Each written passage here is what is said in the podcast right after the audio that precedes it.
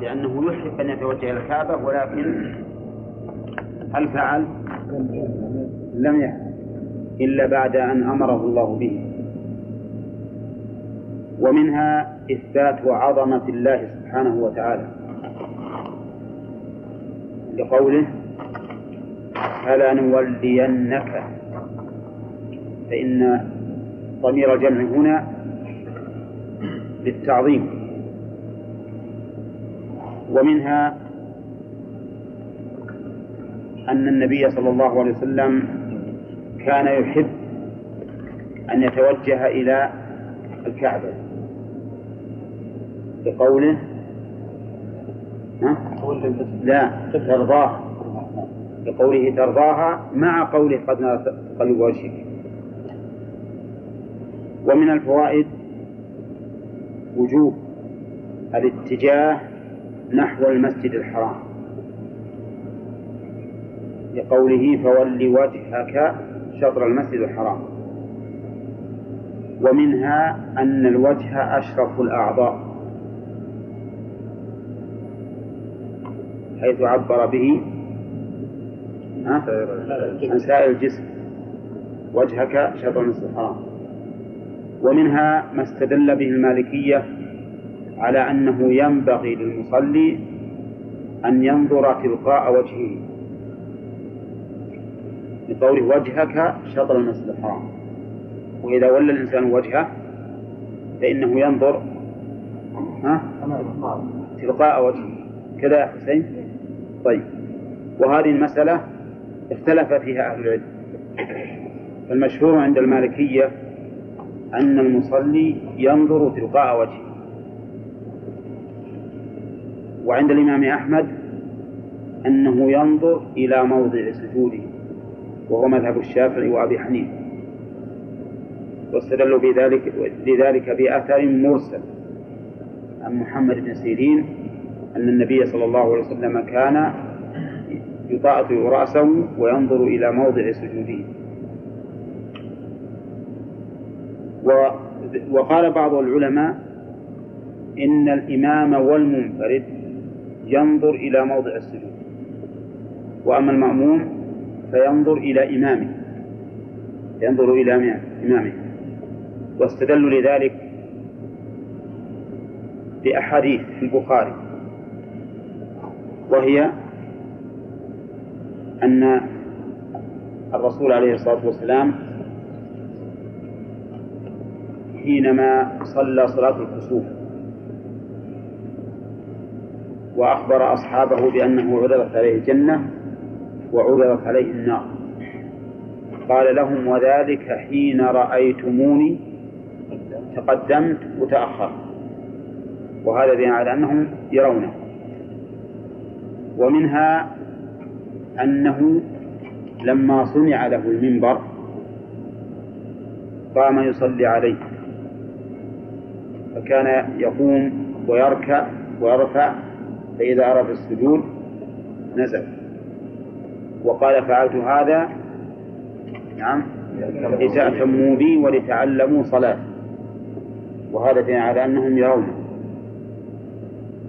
ومنها أيضا أنهم لما أخبروا أن الرسول عليه الصلاة والسلام كان يقرأ في صلاة السر قيل لهم بما تعرفون ذلك؟ قالوا باضطراب لحيته.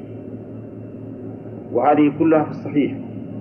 فهذا دليل على أن المأموم ينظر إلى إمامه ولأنه أبلغ في الائتمام به. أبلغ في الائتمام به. لأن الإمام قد يقوم وقد يجلس ساهيا مثلا. فإذا كان المأموم ينظر إلى الإمام كان ذلك أبلغ في الاقتداء به. أم أما الإمام والمنفرد فإنهما ينظران إلى موضع السجود. وهذا القول لا بأس به ولا سيما إذا كان المأموم محتاجا إلى ذلك. محتاج كما لو كان لا يسمع مثلا. لا يسمع فيريد أن ينظر إلى الإمام ليقتدي به أو نحو ذلك. نعم.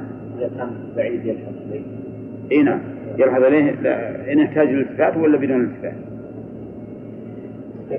واستثنى بعض العلماء الذين يقولون إنه ينظر إلى موضع السجود. استثنوا من ذلك إذا كان في التشهد فإنه ينظر إلى إشارته. بقول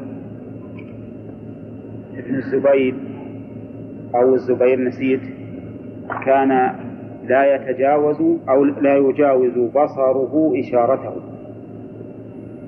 عند التشهد عند الإشارة. تنظر إلى إلى الأصل. ومنها مما يستثنى من ذلك عند بعضهم إذا كنت في المسجد الحرام.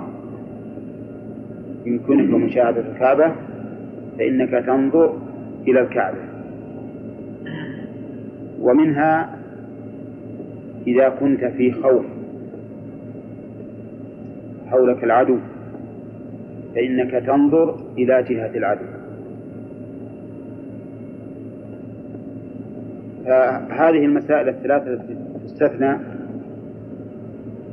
نقول أما موضوع استثناء التشهد أو رفع الأصل عند التشهد فهذا قد ورد به الحديث فهو مستثنى. وأما إذا كانت الكعبة أمامك فلا وجه له. لا وجه لكونك تشاهد الكعبة لا سيما أن الإنسان إذا شاهد الكعبة والناس يطوفون حولها نعم قد يحصل انشغال. وأما إذا كان في خوف فإن هذا داخل في قوله تعالى وخذوا حذركم وقد ورد عن النبي عليه الصلاة والسلام أنه بعث طليعة فكان ينظر نحو الشعر. هل جاء الطليعة أم لا؟ فهذا دليل على أنه ينظر في حال الخوف إلى ما يتقي به هذا الخوف. ولا حرج عليه. صلاة الخوف. ها؟ صلاة الخوف اللي إذا سجدوا ثاني الخوف ما يطالعون. إلا. وش المغفين له؟ هذه واضح طيب وقوله تعالى فولي وجهك شطر المسجد الحرام. من فوائد من فوائد الآية عظمة هذا المسجد. عظمة هذا المسجد لوصفه بالحرام أي ذي الحرمة. ولهذا كان من يدخله آمنا وكان من يدخله يشرع له أن يأتي بنسك. إما وجوبا وإما استحبابا. نعم. بخلاف بخلاف غيره. ولهذا كل شيء فيه آمن. كل ما فيه حياة فهو آمن. حتى الجماد. قوله؟ لا. الجماد. الشجر. الشجر آمن. ما يجوز قطعه. في المسجد الحرام ها؟ إيه؟ حي. حي هو حي. ولهذا لو يبس الشجر مات نعم جاز كسر جاز تكسيره ولا ولا حرمة له. ومنها وجوب الاتجاه إلى القبلة في أي مكان كان كان الإنسان من بر أو بحر أو جو. لقوله وحيث ما كنتم فولوا وجوهكم شطره. ويسقط الاستقبال في مواضع. منها كما مر علينا. نعم. يسقط استقبال القبلة في مواضع. نعم. في صلاة التنفل. آه التنفل في السفر. نعم هذه واحدة. حيث حيث كان وجه هذا واحد والثاني؟ عند الخوف الشديد عند الخوف الشديد إذا كان لا يمكنه استقبال القبلة والثالث إذا إذا صار ما يدري القبلة لا. كان على راحل ذكرها الأخ. كان مريض. يعني عند العجز. عند العجز. عند العجز عن استقبال القبلة لمرض أو صلب لو صلب إلى القبلة.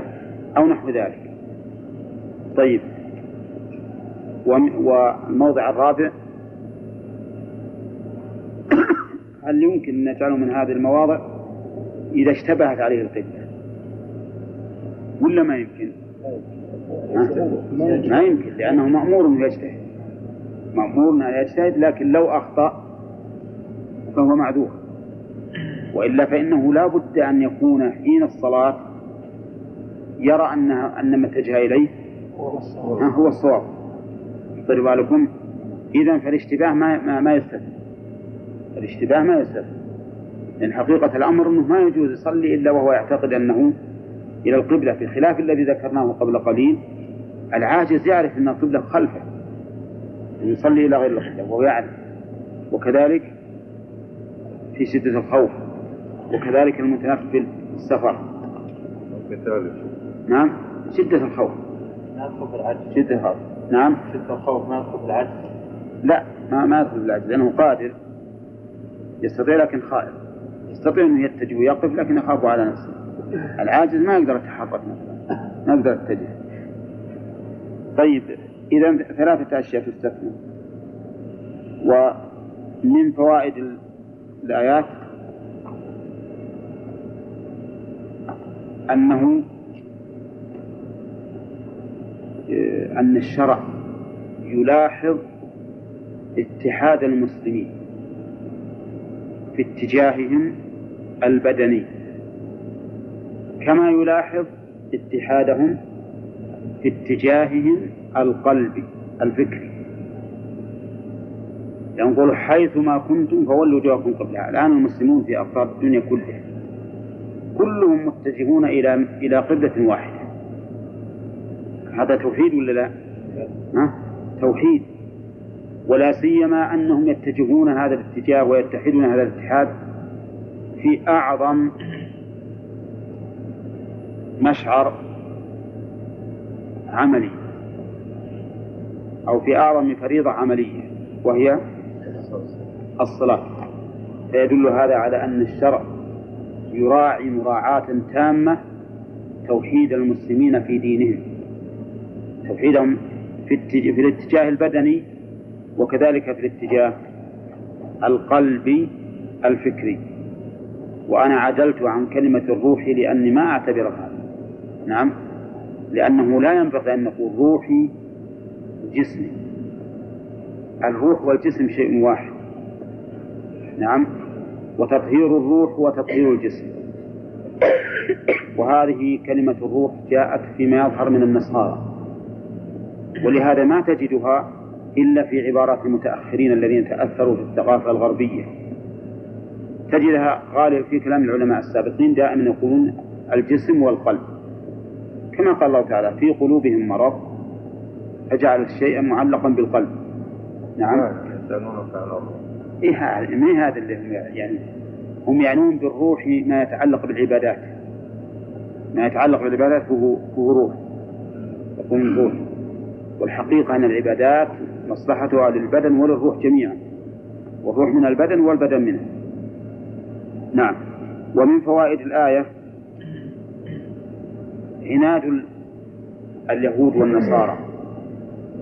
بيان عناد اليهود والنصارى لقوله وإن الذين أوتوا الكتاب لا يعلمون أنه الحق من ربهم ولكن مع ذلك والعياذ بالله شنعوا على النبي عليه الصلاة والسلام تشنيعا عظيما. نعم. ومن فوائد الآية أن ما كان من عند الله فهو حق. يقول أنه الحق مضافا إلى من؟ إلى الله من ربهم. ومنها أن هؤلاء المعاندين من أهل الكتاب يعاندون مع علمهم التام ومع إقرارهم بربوبية الله. وكان عليهم حين يكونون قد أقروا بربوبية الله لهم وعلموا الحق كان عليهم أن ينقادوا له وأن يكونوا أولى الناس باتباعه لأن عندهم علم لأن عندهم علما بذلك. ومنها انتفاء غفلة الله عز وجل عن أعمالهم. نعم. المتضمن لكمال علمه وإحاطته بهم. ما يكفي نقول انتفاع الغفلة فقط بل نقول المتضمن لكمال العلم والإحاطة. لقوله تعالى وما الله بغافل عما يعملون. ومنها صحة تقسيم الصفات إلى ثبوتية وسلبية. لأن لمعنى هنا سلبية. الصفات المنفية بأي أداة من أداة النفي سواء ما أو ليس أو لا أو غير أو ما أشبه ذلك فإنها من الصفات السلبية. وقد مر علينا أن الله لا ينفي عن نفسه إلا ما هو نقص وأن كل نفي فهو متضمن. لكمال ضده لأنه لكمال ضده انتفى عنه هذا الشيء. فلتمام علمه وإحاطته انتفى عنه الغفلة. طيب. ومنها تهديد هؤلاء المعاندين. الذين أوتوا الكتاب وعلموا الحق. لأن قولهم الله بغفل عما يعملون هذا فيه تهديد. واضح. ثم قال تعالى ولئن أتيت الذين أوتوا الكتاب بكل آية ما تبعوا قبلتك وما أنت بتابع قبلتهم وما بعضهم بتابع قبلة بعض. الآية السابقة أن توجهه لبيت المقدس. من الله اي نعم. هذه مرت عليه لا نعم. اي نعم. من قول الذين أوتوا الكتاب. لا ما يصير لا ما يصير لكن استفاد اثبات الكتب السابقة التي كانت من الرسالة. اي نعم قال ولئن أتيت الذين أوتوا الكتاب بكل آية ما تبعوا قبلتك. من فوائد هذه الآية الكريمة أن الرسول صلى الله عليه وسلم كان حريصا على هداية الخلق. لأن قوله لئن أتيتهم بكل آية دليل على أنه كان عليه الصلاة والسلام يعرض الآيات ويبين الحقائق.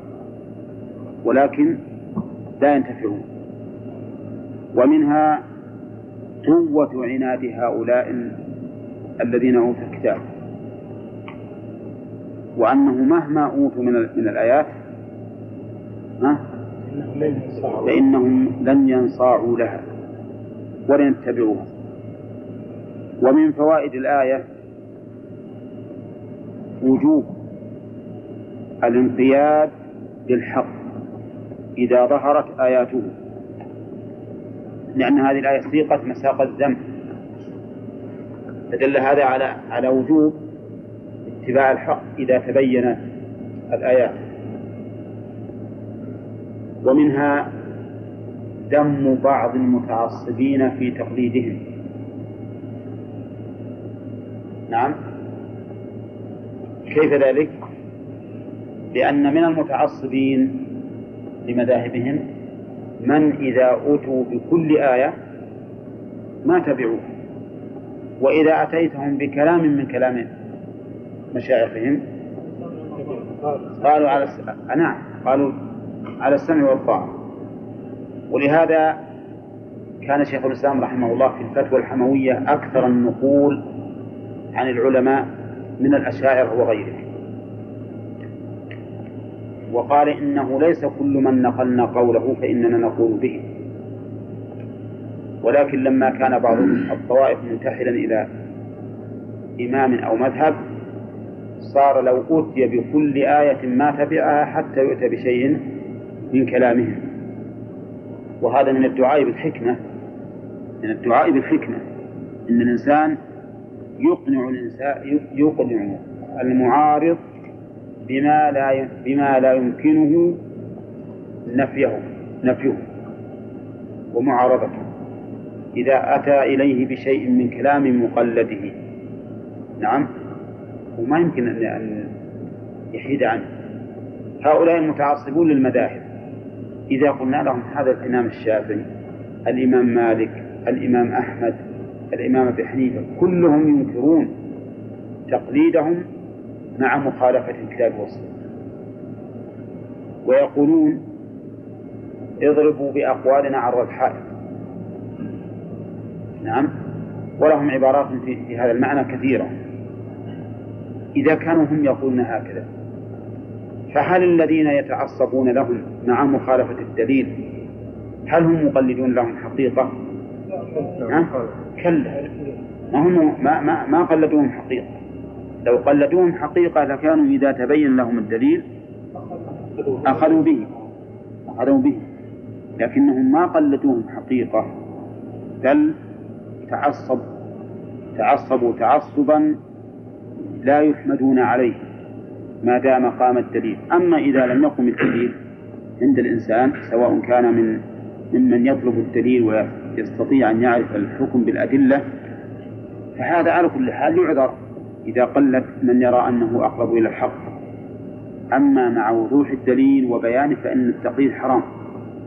ولهذا يقول شيخ الإسلام ابن تيمية رحمه الله إن التقليد بمنزلة أكل الميتة. متى يحل؟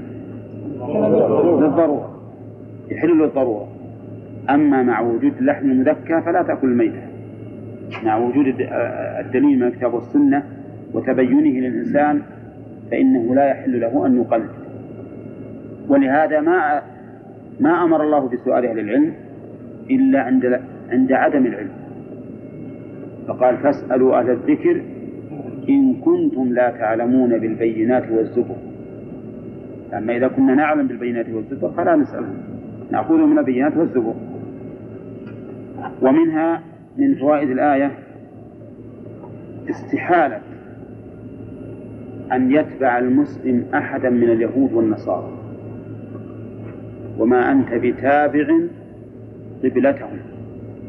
وجه الاستحالة أن الجملة هنا جاءت بالإسمية. وما أنت بتابع قبلتهم.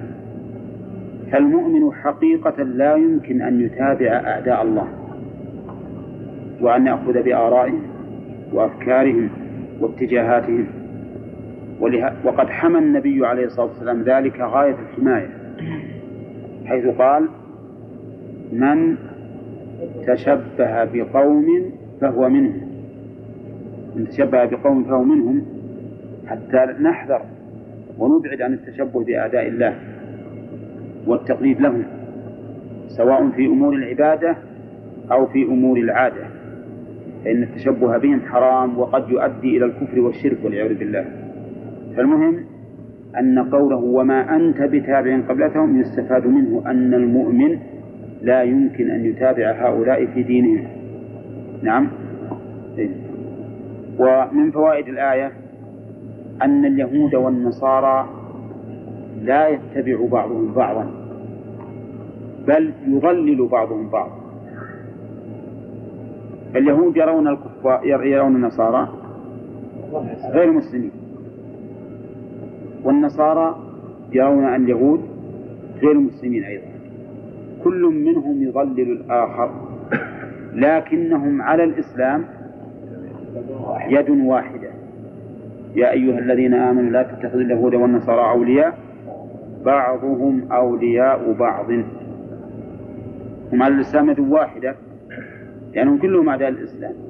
وهم فيما بينهم أيضا يضل بعضهم بعضا.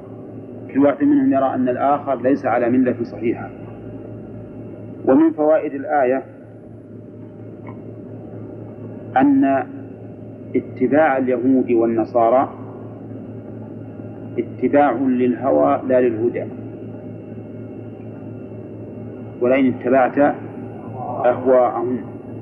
ومنها أيضا أنهم ليسوا على هدى اليهود والنصارى حيث جعل الله تعالى ما هم عليه هوى وليس بهدى.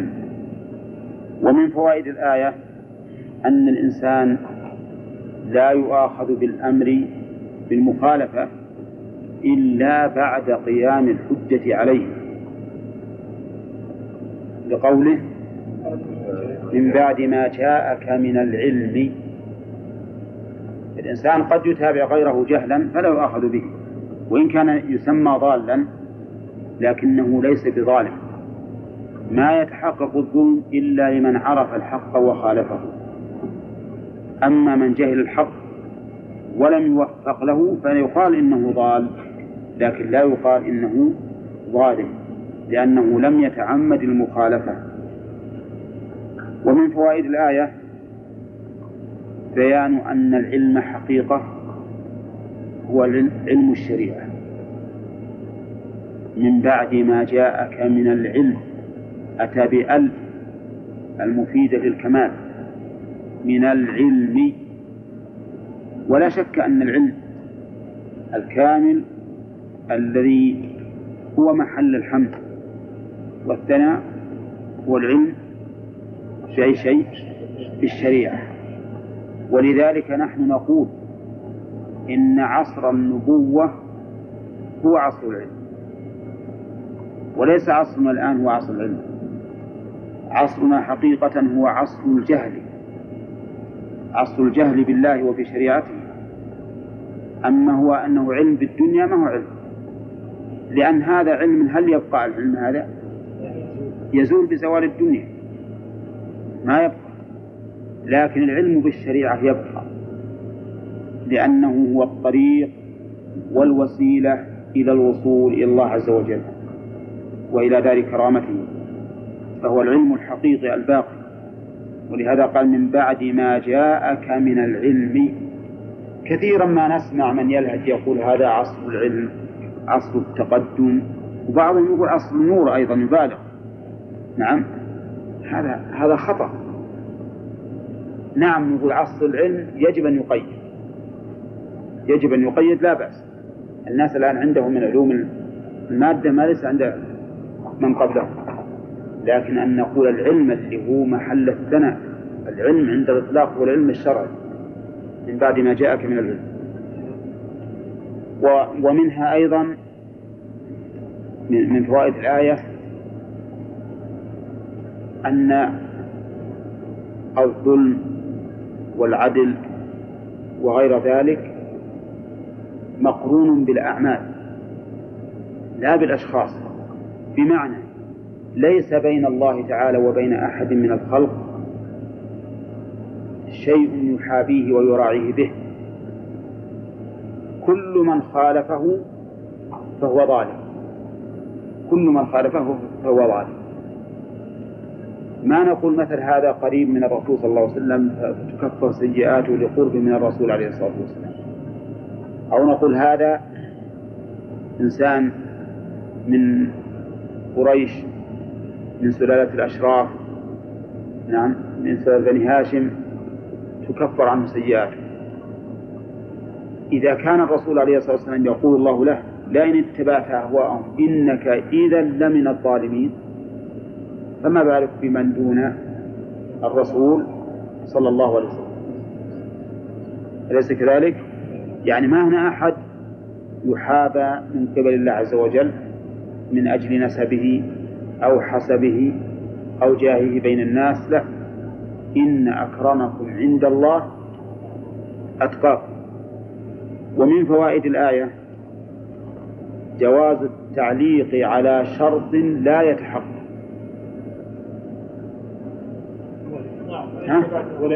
ولئن اتبعت أهواءهم من بعد ما جاءك من العلم. هذا أمر معلق لكنه متعلق ما يمكن يقع لا يمكن أن يقع لقوله تعالى وما ينطق عن الهوى. النبي صلى الله عليه وسلم يقول الله فيه وما ينطق عن الهوى. فالذي لا ينطق عن الهوى لا يمكن أن يفعل عن الهوى. إذا كان النطق لا ينطق به عن الهوى فالعمل كذلك. الرسول عليه الصلاة والسلام لا يمكن أن يتبع أهواءه. ومن فوائد الآية تحذير الأمة. من اتباع أهواء غير المؤمنين. وجه ذلك إذا كان هذا الوصف يكون للرسول عليه الصلاة والسلام لو اتبع أهواءهم ها؟ فالذي دونه من باب أولى. فهذا فيه التحذير أن نحذر غاية الحذر من اتباع أهواء أعدائه أهواء أعداء الله. وليت أننا نوقظ الأمة مما وقعت فيه الآن من اتباع أهواء أعداء الله. ونبين من هذا هو الظلم. والظلم ظلمات يوم القيامة. والظلم مرتع مبتغيه وخيم. حتى يكون الناس اتباعهم لأي شيء؟ للهدى الذي جاء به محمد صلى الله عليه وسلم. كما قال الله تعالى ولقد جاءهم من ربهم الهدى. ثم قال تعالى من اللي يسألكم نعم. بناء القاعدة نعم. نعم. هل مثلنا الذين لا يؤمنون شرك نقول أنهم ضلال ويسلكون ونقول فعلهم شرك ولا نطلق عنهم إلا إذا إلا إذا قمت عليهم الحجة نعم. إلا إذا قمت لكننا نعاملهم معاملة المشرك بالنسبة لعدم الصلاة عليهم مثلا أو عدم دفنهم في قبور المسلمين وما أشبه ذلك. لأن ظاهرهم الآن ظاهر فعل الشرك. لكن عند الله ما نجزم بأنهم في النار. يعني قد تكون ما قامت عليهم الحجة. ثم إن هذا حقيقة بالنسبة للبلاد الإسلامية القريبة هذا شيء في ظني أنه فرض مستحيل إنه مسألة فرضية لأن عندهم من يقول من هذا الشرك يعني يسمعون من يقول هذا الشرك. ما تخلو الأرض من عالم يبين الحق. مثلا لنفرض في هذه البلاد العربية اللي فيها الآن القبور تعبد من دون الله. يعني أتظنون أنه ليس فيهم عالم يهديهم إلى الحق؟ ها؟ فيه. فيهم علماء يبين لهم أن هذا غلط وأن هذا حرام وأن هذا شرك كفر لكن هم مصرون لأن لهم أناس يقلدونهم يرون أنهم ولى على الحق نعم. يحصل عليك إذا قلنا أن هذا مستحيل أن يقع من الرسول ولن اتبعته نعم. نقول أنه موجه للموجه. لا ما ينفع. الخطاب صريح. ولقد أوحي إليك وإلى الذين من قبلك ها؟ لئن أشركت ليحبطن عملك ولا تكن من الخاسرين. أوحي إليك وإلى الذين من قبلك. صريح. وكذا وقلنا في أثناء التفسير إن التعليق ما يدل على الوقوع قل إن كان للرحمن ولد فأنا والعابدين. هذا ما مو ممكن.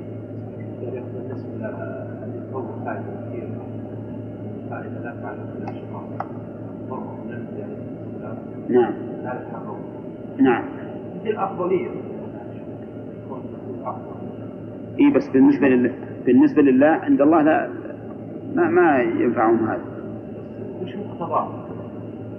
مقت- مقتضاه أنهم أنهم اشرفوا الناس جنسا. يعني جنس بني آدم الناس معادن فالجنس آه، جنس بني هاشم ثم جنس قريش ثم جنس العرب أفضل من غيره باعتبار الجنس. لا لا قد يكون الثواب قد يكون الثواب أكثر وقد يكون أقل حسب حسب ما في ما في قلب الإنسان من الإيمان. ولهذا لو يجي ناس من بني هاشم بعد الصحابة نقول ما بلغ مد أحدهم لو أنفق مثل أحد ذهبا ما بلغ مد أحدهم ولا نصيبه ولو كان من بني هاشم. ما يستفيدون يستفيدون. قال الرسول خياركم الإسلام خياركم الجاهلية. يستفيدون بأنهم إذا كانوا في التقوى مع غيرهم سواء فهم مقدمون في الأحكام. فهم مقدمون في الأحكام. أما عند الله درجاتهم عند الله فالظاهر والله أعلم أنه يكون لهم في ذلك شرف. لكن المؤمن غير المؤمن ما يستفيد من قرب من الرسول صلى الله عليه وسلم.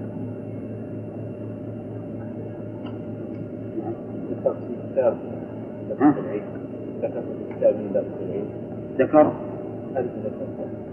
في كتاب ملخص أنه يجوز التقليد لمن لا سبيل له آه، إلى العلم بالشيء. نعم صحيح. اللي ما يستطيع السبيل إلى العلم بالشيء يقلد ما في إلا التقليد السؤال. ها؟ السؤال. السؤال؟ ثم عليه و- يسأل إيه هو هذا.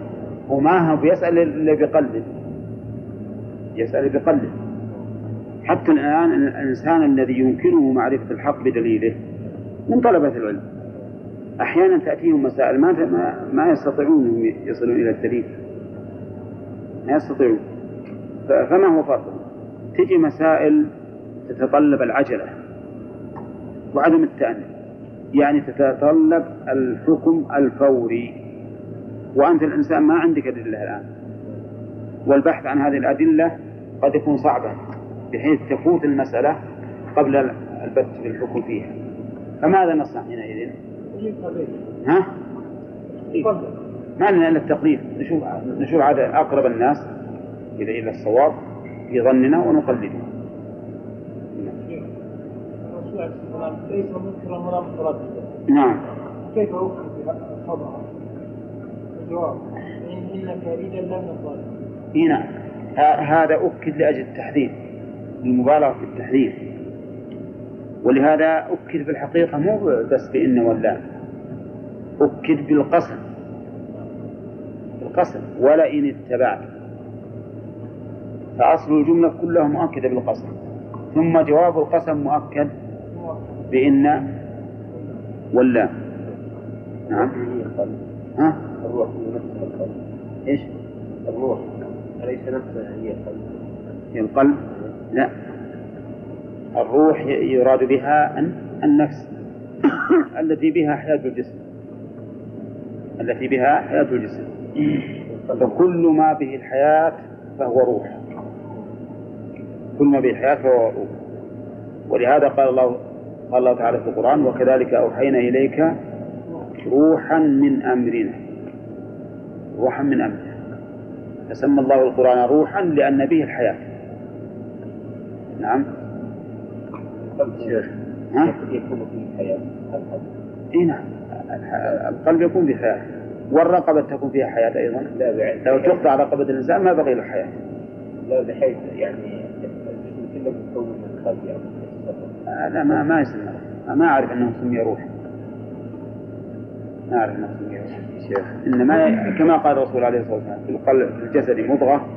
إذا صلح صلح الجسد كله وإذا فسدت فسد الجسد كله ألا وهي القلب. شيخ نعم.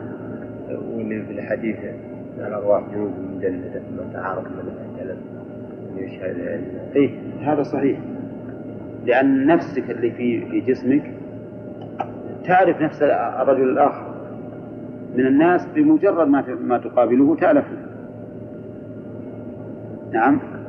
وبمجرد ما ما تشاهده تنكره.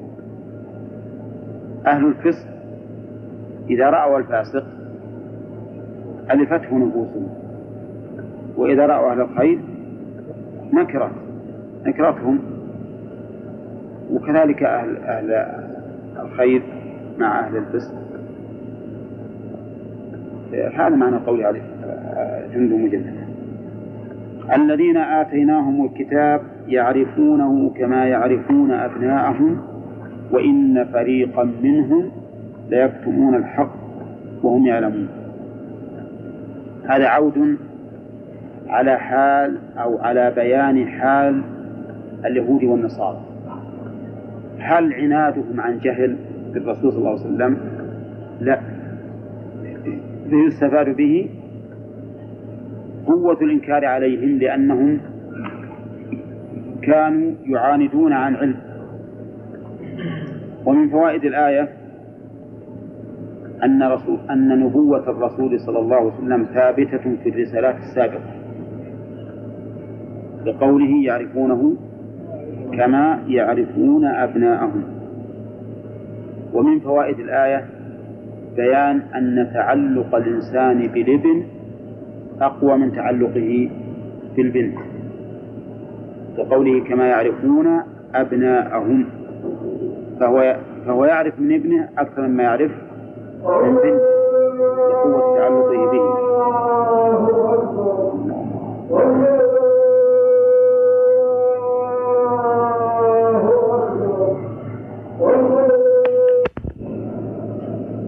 تلطف الله في خطاب الرسول صلى الله عليه وسلم حين قال ها؟ هذه بيناها في التفسير. إنك إذا إنك إذا لمن الظالمين. ولم يقل إنك ظالم.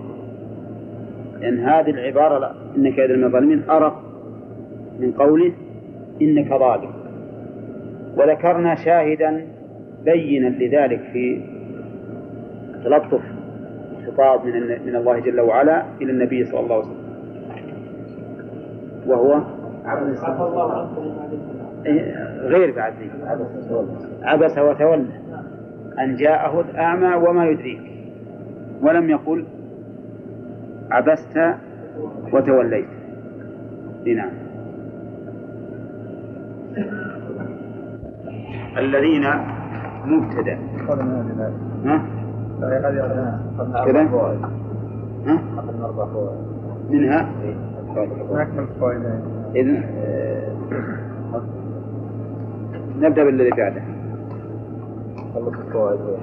قال تعالى أجل نناقش فيها؟ في الدرس الماضي. قوله تعالى الذين آتيناهم الكتاب يعرفونه كما يعرفون أبناءهم. ما معنى قوله آتيناهم؟ حجاج ما معنى آتيناهم؟ أعطيناهم. كم تنصب من مفعول؟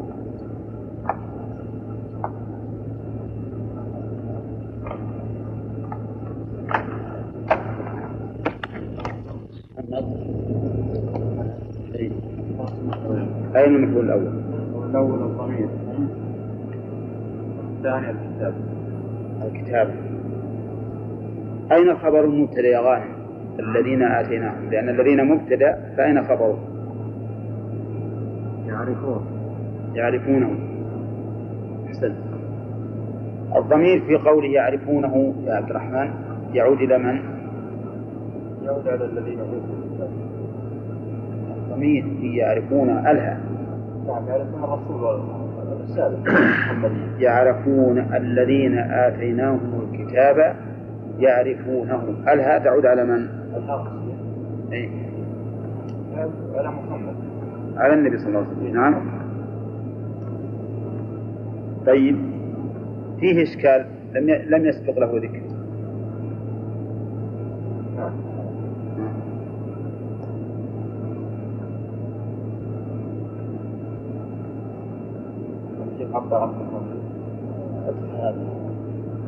ها؟ كيف وجه؟ وش إشكال إنه ما سبق الذكر للرسول صلى الله عليه وسلم نعم لكنه معروف ما فيها أحد ضمير ما فيها أحد مذكور في كتب السابقة إيه ده إحنا كلامنا على السياق اللي معنا الآن سياق القرآن ما في ما سبق ذكر للرسول صلى الله عليه وسلم حتى نقول الضمير يرجع إليه. نعم. لأن القرآن نعم بلسان النبي صلى الله عليه وسلم. وهو أي نعم. هذا معلوم من السياق وقد نقول إنه إنه سبق. ويكون ويكون الرسول عليكم شهيدا. نعم. وما جعلنا قبلة التي كنت عليها إلا أن نتبع من يت- إلا أن نعلم من يتبع الرسول. ها؟ وما أنت بتابع قبلتهم. نعم. وقال يا شيخ الضمير يعود إلى أقرب مذكور. أقرب مذكور الكتاب. ما يعرفون الكتاب؟ وش الفائدة من معرفة كتابهم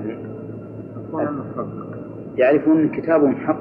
لا كتاب القرآن. الذين آتيناهم الكتاب يعني اليهود والنصارى بني إسرائيل. يعرفون محمدا كما يعرفون أبناءهم. طيب لماذا خص الأبناء خليفة؟ لماذا خص الأبناء دون البنات؟ كما يعرفون أبناءهم. ها؟ ذكرناها بالتفسير. نعم.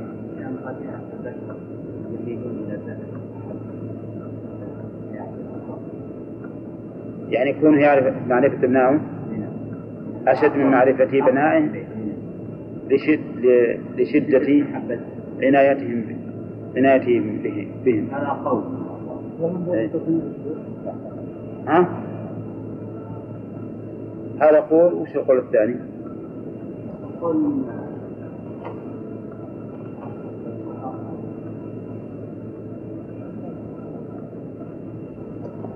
نعم. شو يقول إبراهيم؟ يقول ما يقدر التغيير ها؟ باب التغيير تغيير؟ تغيير. لا.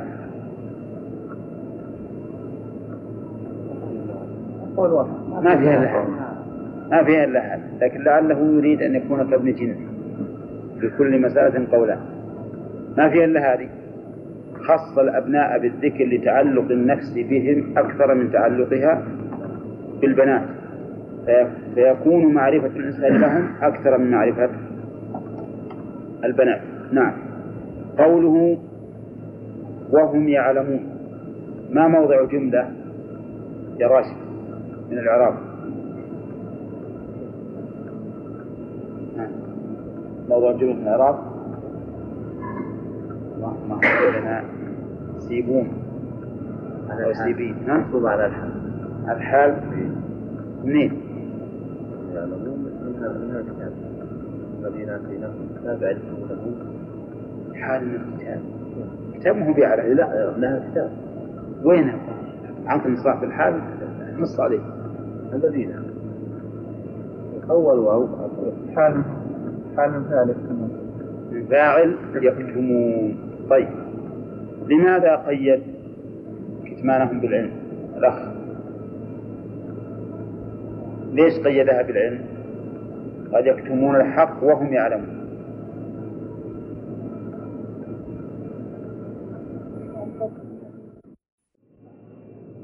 ومن النصارى؟ ها؟ النجاشي. نعم النجاشي. والنجاشي. ورقة. لا من العرب. لكنه تنصر طيب قوله تعالى الحق من ربك فلا تكونن من الممترين هذا قرأناه بعد. هذا المبتدا ها؟ هذا المبتدا مبتدأ؟ طيب. قال الله تعالى الحق من ربك الحق مبتدأ ومن ربك خبره. نعم. وهنا الجملة لتقرير ما سبق. يعني أن الحق ثابت وحاصل من ربك. وقيل إن الحق خبر مبتدأ محذوف. التقدير هذا الحق من ربك. هذا الحق من ربك. فيكون في هذا تقوية للرسول تقوية للرسول صلى الله عليه وسلم وأنهم لما كتموا الحق لا تكن في مرية منه لأن الإنسان بشر. فقد يكون الرسول عليه الصلاة والسلام لما أنكر هؤلاء الذين أوتوا الكتاب أنكروا الحق. قد يعثر الإنسان شيء من الشبهة وإن كان بعيدا فبين أن ما جاء به هو الحق. قال الحق من ربك. وهنا الربوبية خاصة ولا عامة؟ خاصة. لأن الله سبحانه وتعالى رب العالمين. لكن أضافها إلى النبي صلى الله عليه وسلم لأن المقام يقتضيه حيث هو مقام التثبيت والنصرة. فلولا أن الله ثبت الرسول عليه الصلاة والسلام لكان كما قال الله تعالى ولولا أن ثبتناك لقد كدت تركن إليهم شيئا قليلا. إذا فالربوبية هنا خاصة. وجاءت على وجه الخصوص لأن المقام يقتضي ذلك. ومن هو الرب؟ هو الخالق المالك المدبر. فهو الذي خلق الخلق كله. وهو مالك الخلق كله وهو المدبر للخلق كله سبحانه وتعالى. وقوله فلا تكونن هنا لا ناهية والفعل بعدها مبني على الضم في محل جزم وإن قصد مبني على الفتح في محل جزم فلا تكونن وإنما بني على الفتح لاتصاله بنون التوكيد لأن الفعل المضارع إذا اتصل بنون التوكيد صار مبنيا على الفتح دائما وقوله فلا تكونن الخطاب لمن؟ الخطاب للرسول صلى الله عليه وسلم. وهذا النهي لا يقتضي أن يقع منه الامتراء. كما أنه كما أن الشرط لا يقتضي أن يقع منه.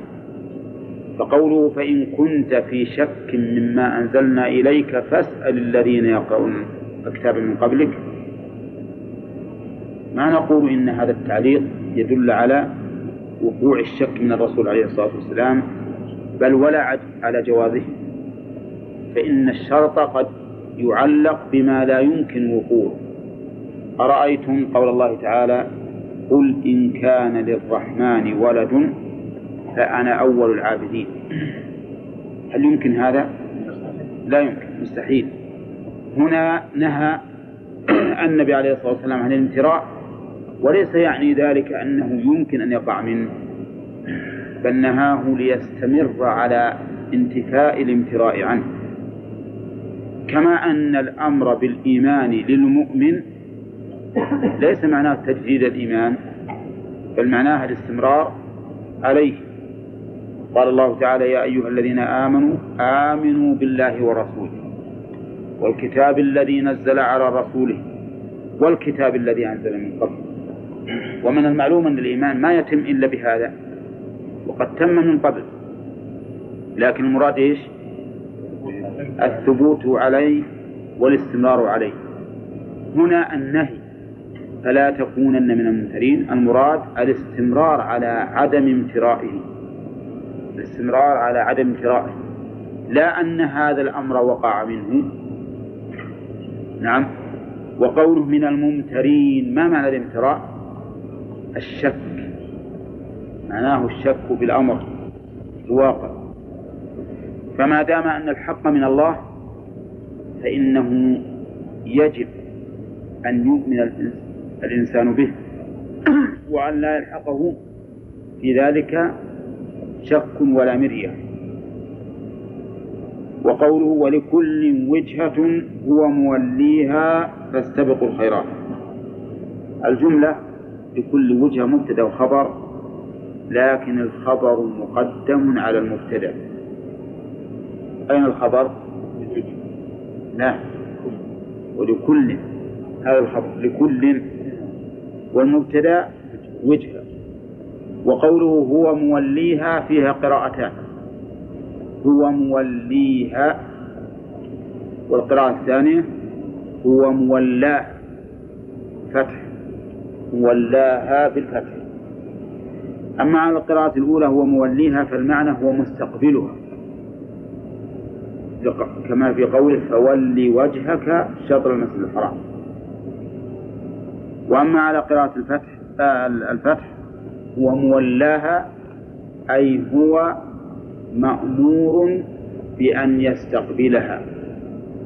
مولاها شرعا أي قد أمر بأن يتولاها ويستقبله.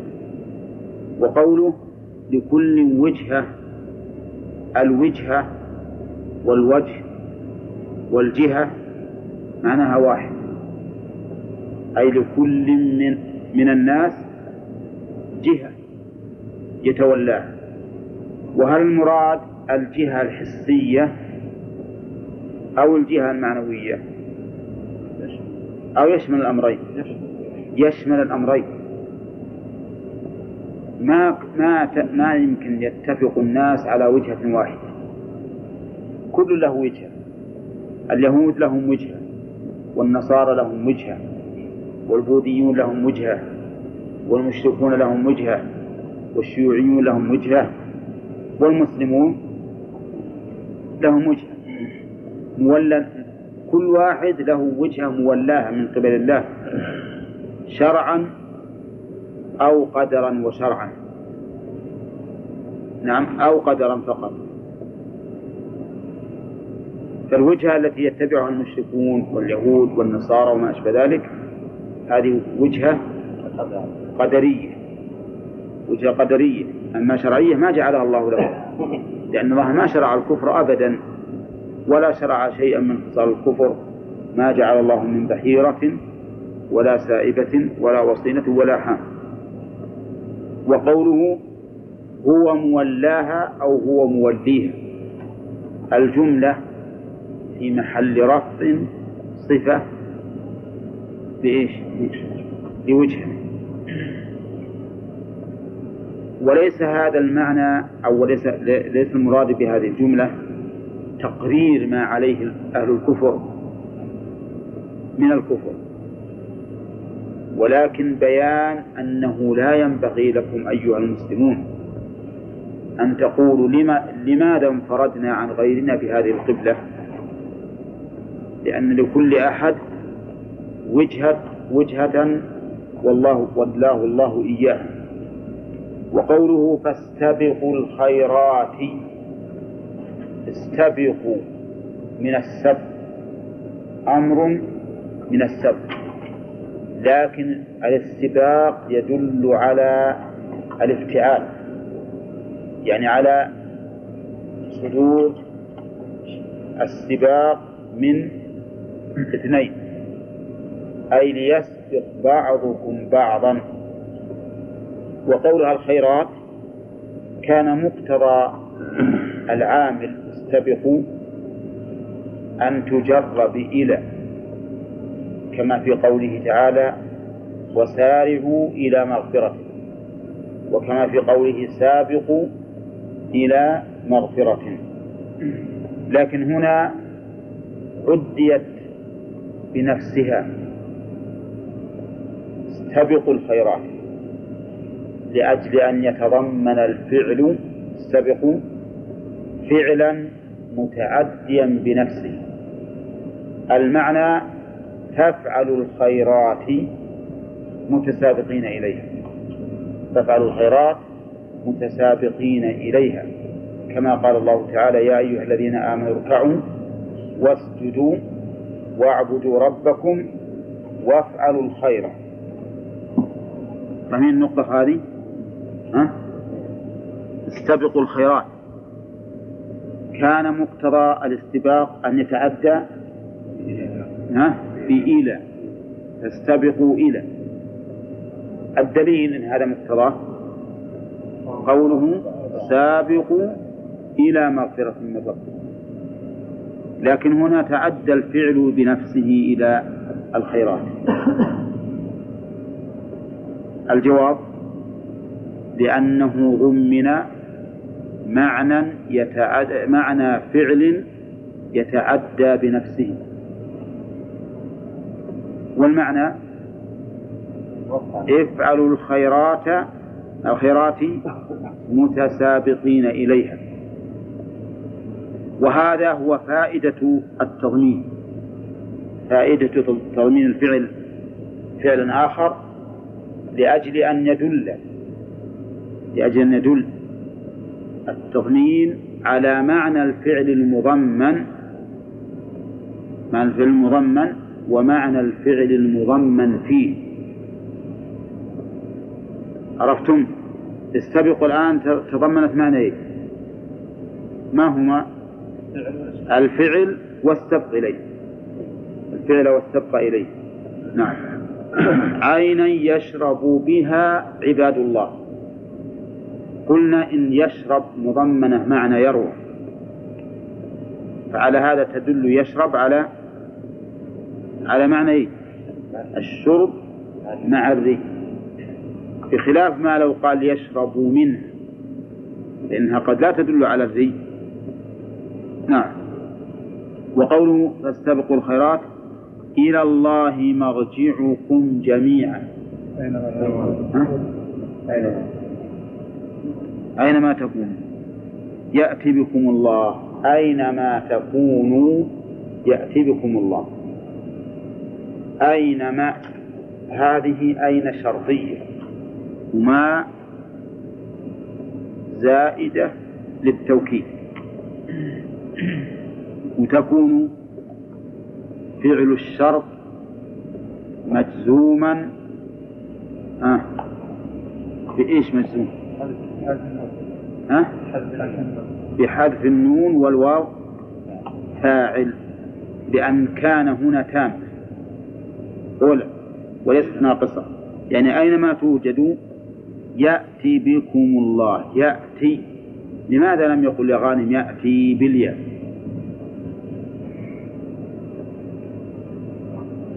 لا لا لا, لا تهز الرأس. ها؟ حرك اللسان. لماذا لم يقل يأتي؟ نعم. لأن جواب الشرط جواب الشرط يكون مجزوما. فهي مجزومة بحذف الياء والكسرة قبلها دليل عليه أينما تكون؟ في بر أو بحر أو جو. فإن الله يأتي بكم جميعا. متى يأتي بهم؟ يوم القيامة. يحشر الله تعالى الأولين والآخرين. في مقام واحد قال الله تبارك وتعالى قل إن الأولين والآخرين لمجموعون إلى ميقات يوم معلوم. الأولين منذ خلق الله الكون إلى أن ينتهي. يجمعهم الله تبارك وتعالى في هذا اليوم إلى ميقات يوم معلوم ويحاسبهم سبحانه وتعالى. وقولها أينما تكونوا يأتي بكم الله حتى لو كانوا في الجو. تصور هذا؟ تصور نعم؟ رمادا هذا الجو؟ هذا في الأرض في البر. ما في البر. يقولون بأن. يقولون بأن الإنسان إذا ارتفع عن مستوى الجاذبية إيه. كان معلقا في الجو لا لا ينزل لا الأرض ولا يطلع إيه لكن هل يموت في هذا المكان؟ ما في هواء إيه أقول هل يموت؟ يموت ما في. ها؟ لو بقي حيا أي لكن قوله تعالى فيها تحيون وفيها تموتون ومنها تخرجون تخرجون تقديم المعمول هنا المعروف أنه يدل على الحصر. فظاهره أنه لا يموت الإنسان إلا في الأرض وأنه ما يمكن يموت أحد معلقا في الهواء. ولا- ولا بد أن يرجع. حديث الرجل ها؟ الذي قال لأولاده. ها؟ حديث الرجل الذي قال لأولاده. هذا قال اذروني في اليم. ذروه في البحر. البحر من الأرض. الجو موت ها؟ الجو موت هذا اي لكن لابد يكون في الأرض نفسها ينزل. بس مشكلتنا الآن لو ماتوا في فوق. ها؟ يرجع للأرض؟ إيه؟ هذا هو الظاهر. اينما تكونوا يأتي بكم الله. ها؟ ها؟ ما أظن ما يصير.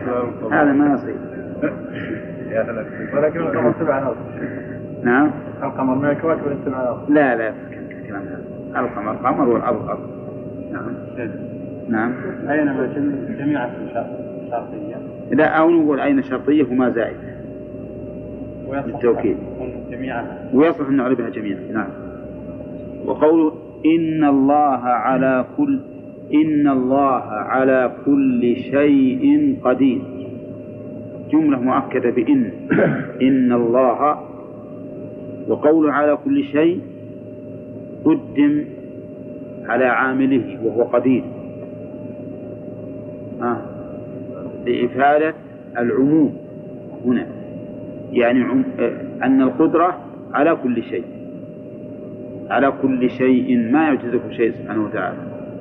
وقول قدير القدير ما معناه؟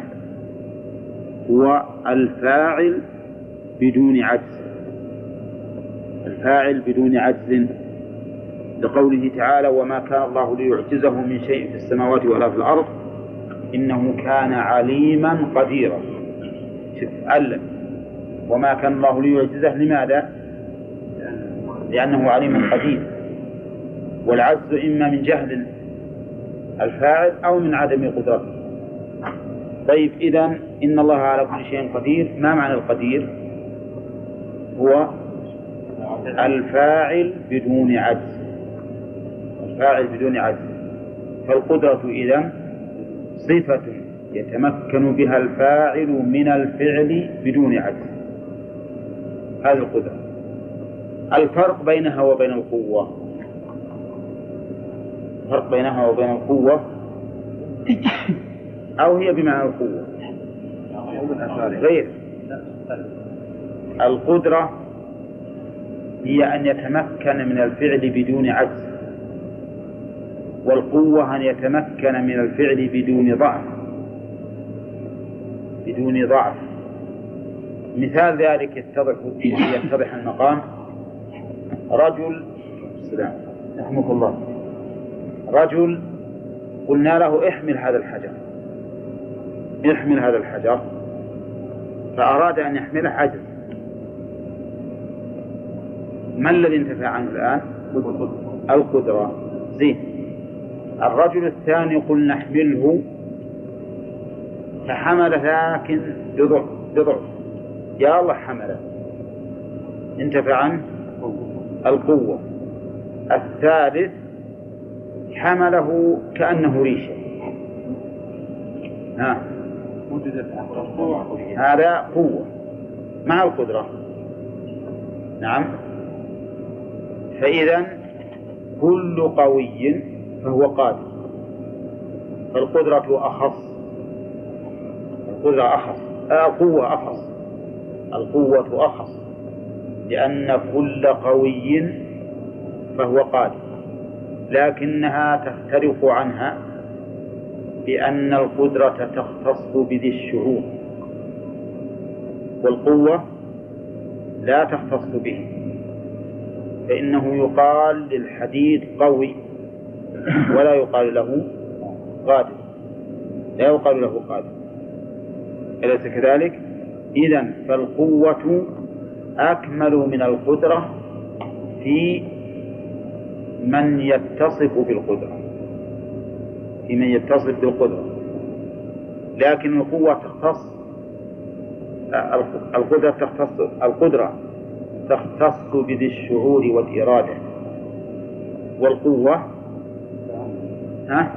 لا تختص.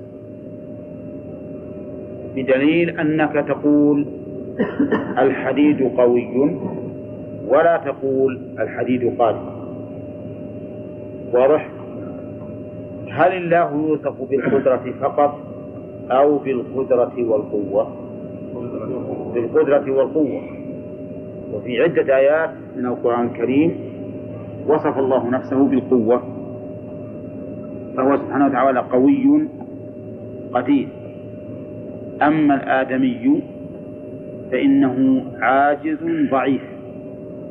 الله الذي خلقكم من ضعف ثم جعل من بعد ضعف قوة ثم جعل من بعد قوة ضعفا وشيبا. فأصل الإنسان الضعف ومنتهى الضعف وكذلك العجز.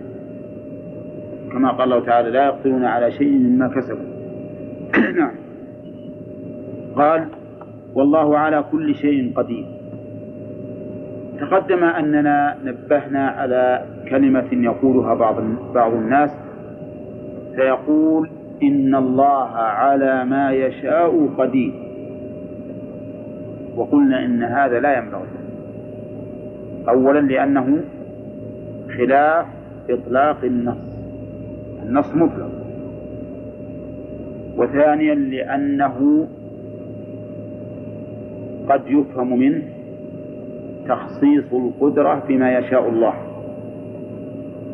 دون ما لم يشاء والله قادر على ما يشاء وعلى ما لا يشاء.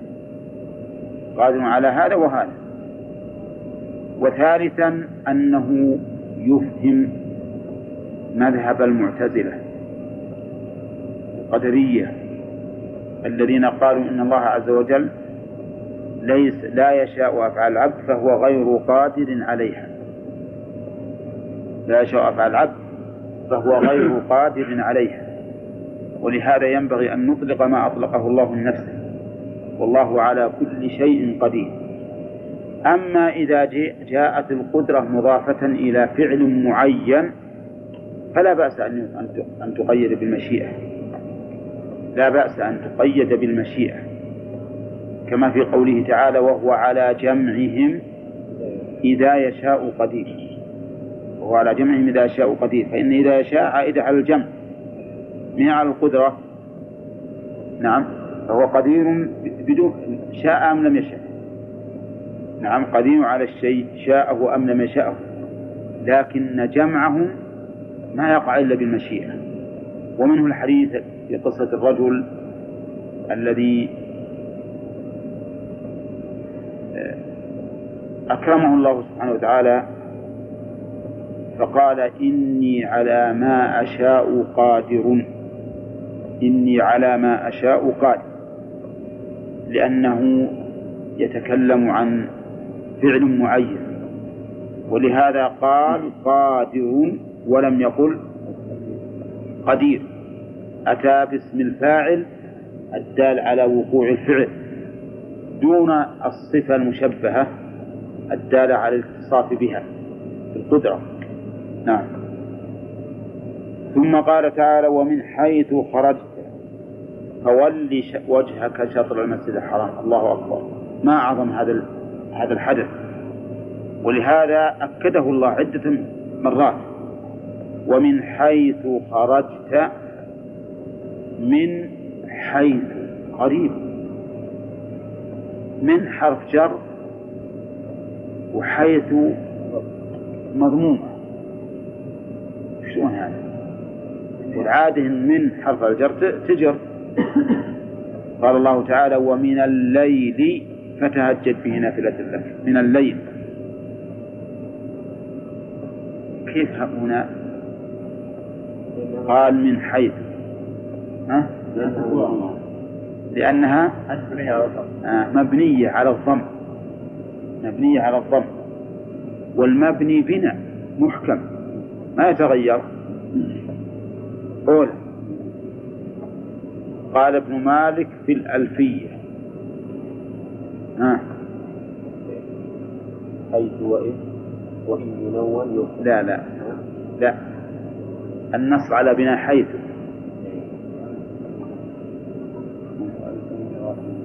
لا لا. كأين؟ أمس حيث والساكن كم؟ ها؟ كم؟ كم؟ كأين حيث كأين أمس حيث والساكن كم؟ حيث مبنية على الضم. إذا من حرف جر وحيث اسم مجرور بمن؟ أو اسم مبني على الضم في محل جر اسم مبني على الضم ما نقول مجرور لأنه مجرور. اسم مبني على الضم في محل جر طيب. ومن حيث خرجت الخطاب هنا إما أن يكون للرسول صلى الله عليه وسلم وإما أن يكون لكل من يتأتى خطابه. من حيث خرجت أيها الإنسان فول وجهك. يعني قبله اجعله مستقبلا. وجهك شطر المسجد الحرام. متى؟ عند الصلاة. طبعا عند الصلاة. مو معنى كل ما خرج لازم يصير وجهك لما القبلة؟ مو هذا معقول فول وجهك من حيث خرجت فول وجهك شطر المسجد الحرام أي عند الصلاة. وقول شطر المسجد ما معنى شطر المسجد؟ أي جهته جهة المسجد. والمسجد الحرام هو المسجد الذي فيه الكعبة. المسجد الذي فيه الكعبة لقول النبي صلى الله عليه وسلم لا تشد الرحال إلا إلى ثلاثة مساجد المسجد الحرام بل لقوله تعالى هم الذين كفروا يصدوكم عن المسجد الحرام والهدي معكوفا أن يبنى محله وقول فولي وجهك شطر المسجد الحرام. المراد كيف جهة الشاطر بمعنى جهة نعم. جهة المسجد الحرام.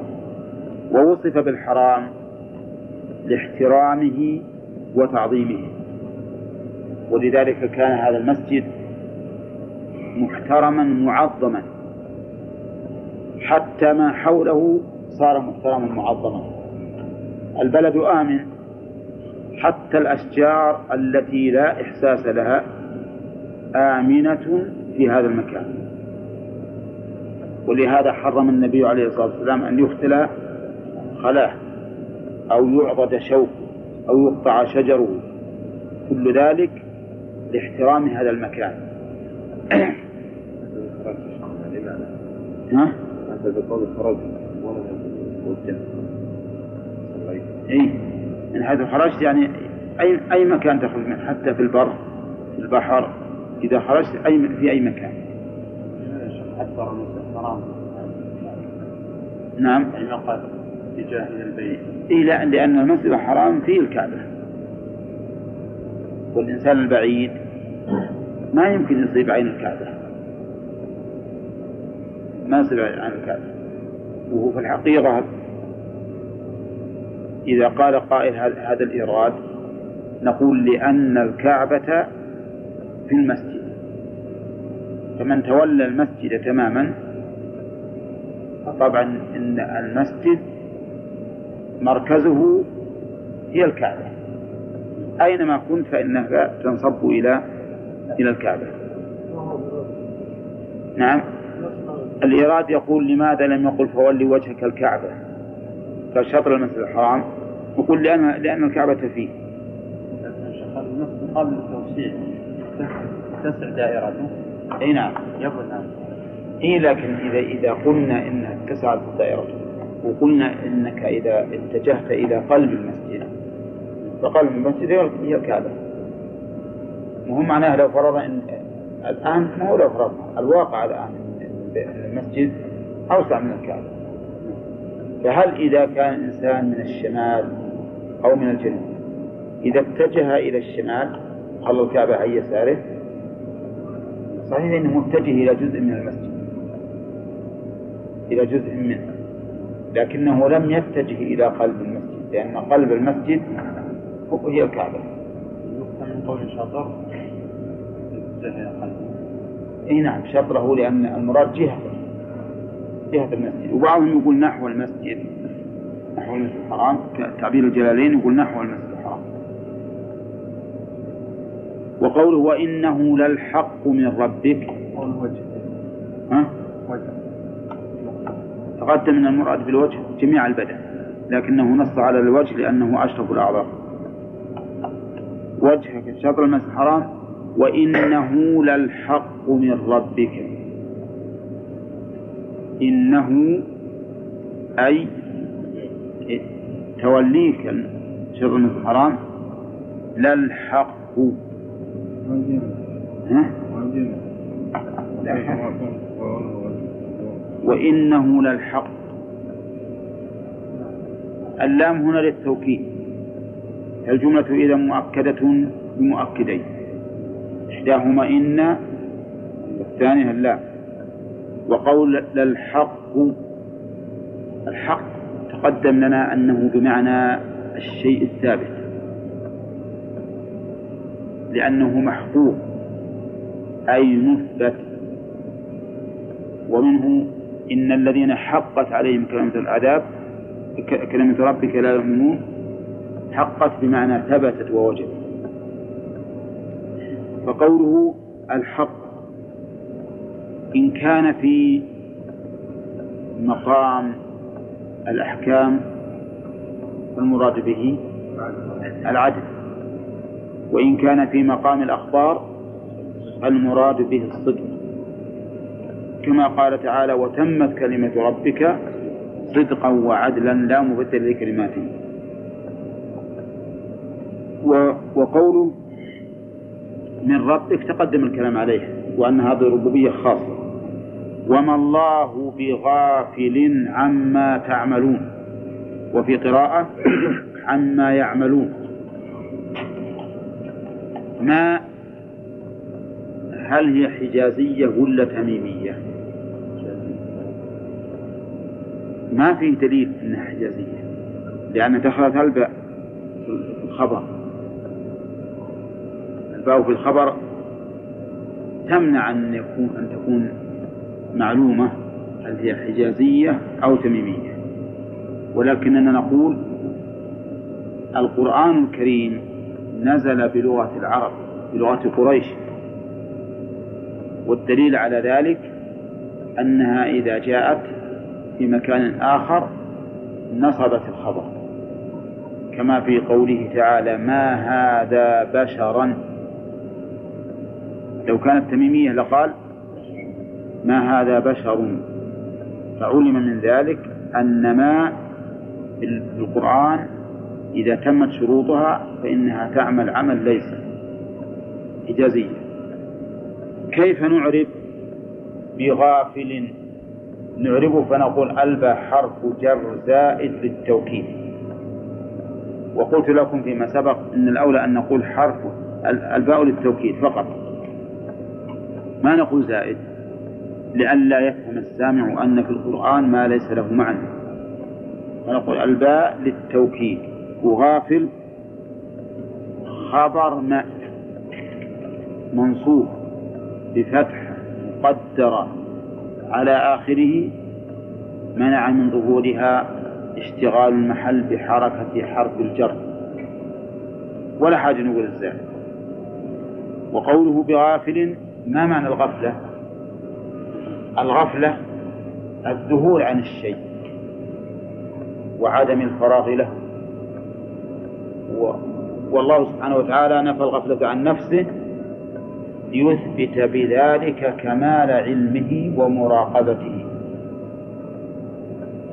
فالصفة إذن من الصفات السلبية التي يراد بها نفيها مع إثبات كمال ضدها أي لكمال علمه وكمال مراقبته لا يغفل عما يعمل الناس. وقوله عما تعملون بالتاء خطاب للمسلمين. وعما يعملون بالياء خطاب لمن؟ لهؤلاء الذين اعترضوا على النبي صلى الله عليه وسلم.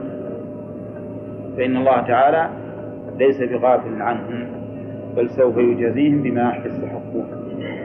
دائما يا شيخ وما تعملون وما يعملون في قراءتين لا لا ما هو دائما لا ليس بدائما أحيانا ما يعملون بالياء وأحيانا بها قراءتين ربك فلا تكونن من الممترين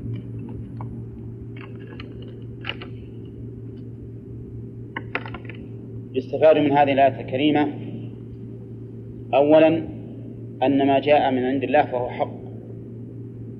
لقوله الحق من ربك. ومنها أن ما خالف ما جاء عن الله فهو باطل. لقوله تعالى فماذا بعد الحق إلا الضلال. ومن فوائد الآية عناية الله سبحانه وتعالى بالنبي صلى الله عليه وسلم بذكره بالربوبية الخاصة بقوله من ربك. وقد سبق لنا غير مرة أن ربوبية الله سبحانه وتعالى عامة وخاصة وأنهما اجتمعا في قوله تعالى قالوا آمنا برب العالمين رب موسى وهارون. ومن فوائد الآية أن الشك ينافي الإيمان. بقوله فلا تكونن من الممترين. ومن فوائدها أنه قد ينهى عن الشيء مع استحالة وقوعه. لقوله فلا تكونن من الممترين. فإن النبي عليه الصلاة والسلام لن يكون من ذلك من هؤلاء. الصنف. ومن فوائد الآية عناية الله سبحانه وتعالى بالرسول صلى الله عليه وسلم بالتثبيت. لأن قوله له الحق من ربك يقتضي ثباته عليه. وقوله فلا تكونن من الممترين يقتضي استمراره على هذا الثبات. ولا شك أن في هذا من تأييد الرسول عليه الصلاة والسلام وتثبيته ما هو ظاهر. ثم قال تعالى ولكل وجهة هو موليها فاستبقوا الخيرات أينما تكونوا يأتي بكم الله يأتي بكم الله جميعا إن الله على كل شيء قدير. من فوائد هذه الآية أن الأمم قد تختلف مناهجها. وإن اتفقت على أصل واحد وهو الإسلام لكن تختلف المناهج. بقوله تعالى ولكل جعلنا لكل جعلنا منكم شرعة ومنهاجا. ومن فوائدها أن الإنسان يجب عليه اتباع الحق ولا ينظر إلى غيره. لا يقول الله الناس على كذا فكيف أشد عنه؟ بل يجب عليه أن يتبع الحق أينما كان. لأن قوله ولكل وجهة يشتمل الوجهة الشرعية والوجهة القدرية. يعني ما وجه الله العباد إليه شرعا وما وجههم إليه قدرا. فالوجهة القدرية معروفة. من الناس من يهديه الله سبحانه وتعالى فيكون اتجاهه إلى الحق. ومن الناس من يخذل فيضل ويكون اتجاهه إلى الباطل. فلا يغرنك اتجاه غيرك إلى الباطل إذا كنت على الحق. لكل وجهة ومليها نعم. ويشمل ما قلت أي قبل قليل يشمل الوجهة الشرعية وهي اختلاف الشرائع بينها. فلا تظن أن اختلاف الشريعة الإسلامية عن غيرها معناه أنها ليست ليست حقا فإنها حق من الله. ومن فوائد الآية وجوب المسابقة إلى الخير. بقوله فاستبقوا الخيرات. ومنها أن الأمر يقتضي الفورية. لأن الاستباق إلى الخير لا يكون إلا بالمبادرة إلى فعله. فهذه الآية مما يستدل به على أن الأمر للفورية ومنها البلاغة التامة في قوله فاستبقوا الخيرات دون استبقوا إلى الخيرات. وإن كان بعض الناس يقولون إنها نزع منها حرف الجر فليس بصحيح. الآية ما فيها نزع لأن استبقوا الخيرات يشمل الاستباق إليها والاستباق فيها. مو معنى إذا وصلت إلى الخير فتقف حتى في نفس الخير في نفس ذلك الخير كن مسابقا. وهذا يشبهه قوله تعالى اهدنا الصراط المستقيم لم يقل اهدنا إلى الصراط لأن المطلوب أن يصل الإنسان إلى الصراط ويستمر فيه. ولهذا قال اهدنا الصراط المستقيم هذه مثلها. وإن كان بعض المفسرين نحى إلى أنها منصوبة بنزل الخافض والتقدير استبقوا إلى الخيرات لكنها الصواب أنها ليست كذلك. من فوائد الآية إحاطة الله تعالى بالخلق أينما كان. لقوله أينما تكونوا يأتي بكم الله جميعا. ومنها الإشارة إلى البعث. لأن الإتيان بالجمع متى يكون؟ يوم القيامة. لقوله تعالى ذلك يوم مجموع له الناس وذلك يوم مشهود. ومن فوائد الآية إثبات قدرة الله عز وجل. إن الله على كل شيء قدير. وأنها شاملة لكل شيء. وقد قال الله تعالى وما كان الله ليعجزه من شيء في السماوات ولا في الأرض إنه كان عليما قديرا.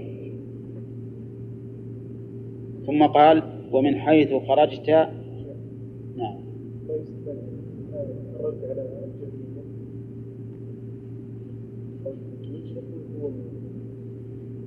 اي نعم.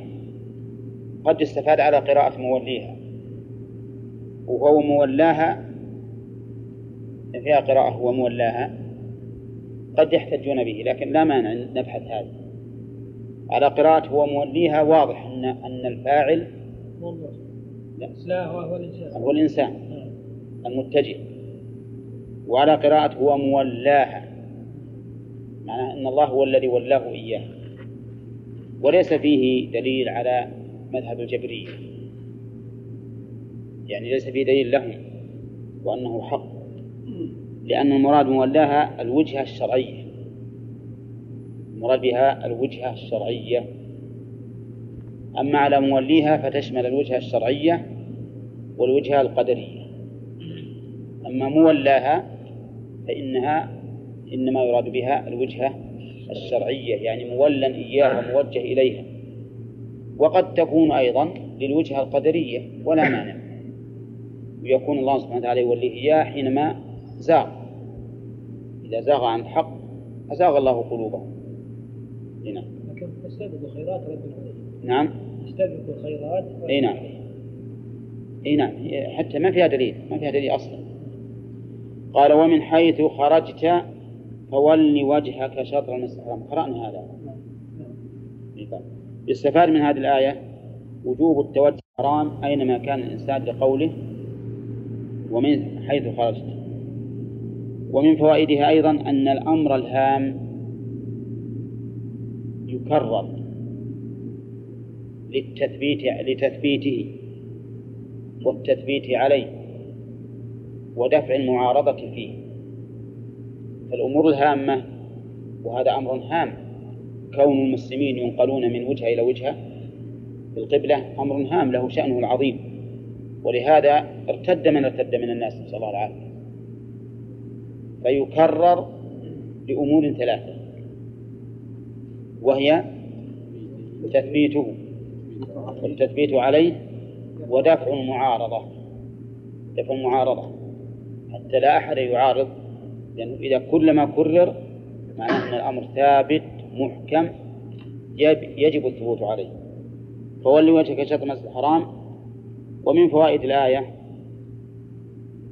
إثبات حرمة المسجد الحرام. لقوله المسجد الحرام. وقو ومن فوائدها أن التوجه إلى القبلة هو الحق. وأنه ليس صادرا عن هوى. لقوله وإنه للحق من ربك فأثبت فيه الحقية مؤكدا بإن ولا. ومن فوائد الآية عناية الله سبحانه وتعالى بالنبي عليه الصلاة والسلام الربوبية الخاصة من ربك. ومن فوائدها كمال علم الله سبحانه وتعالى ومراقبته لخلقه. نأخذ من قوله وما الله بغافل عما تعملون أو عما يعملون قراءتان.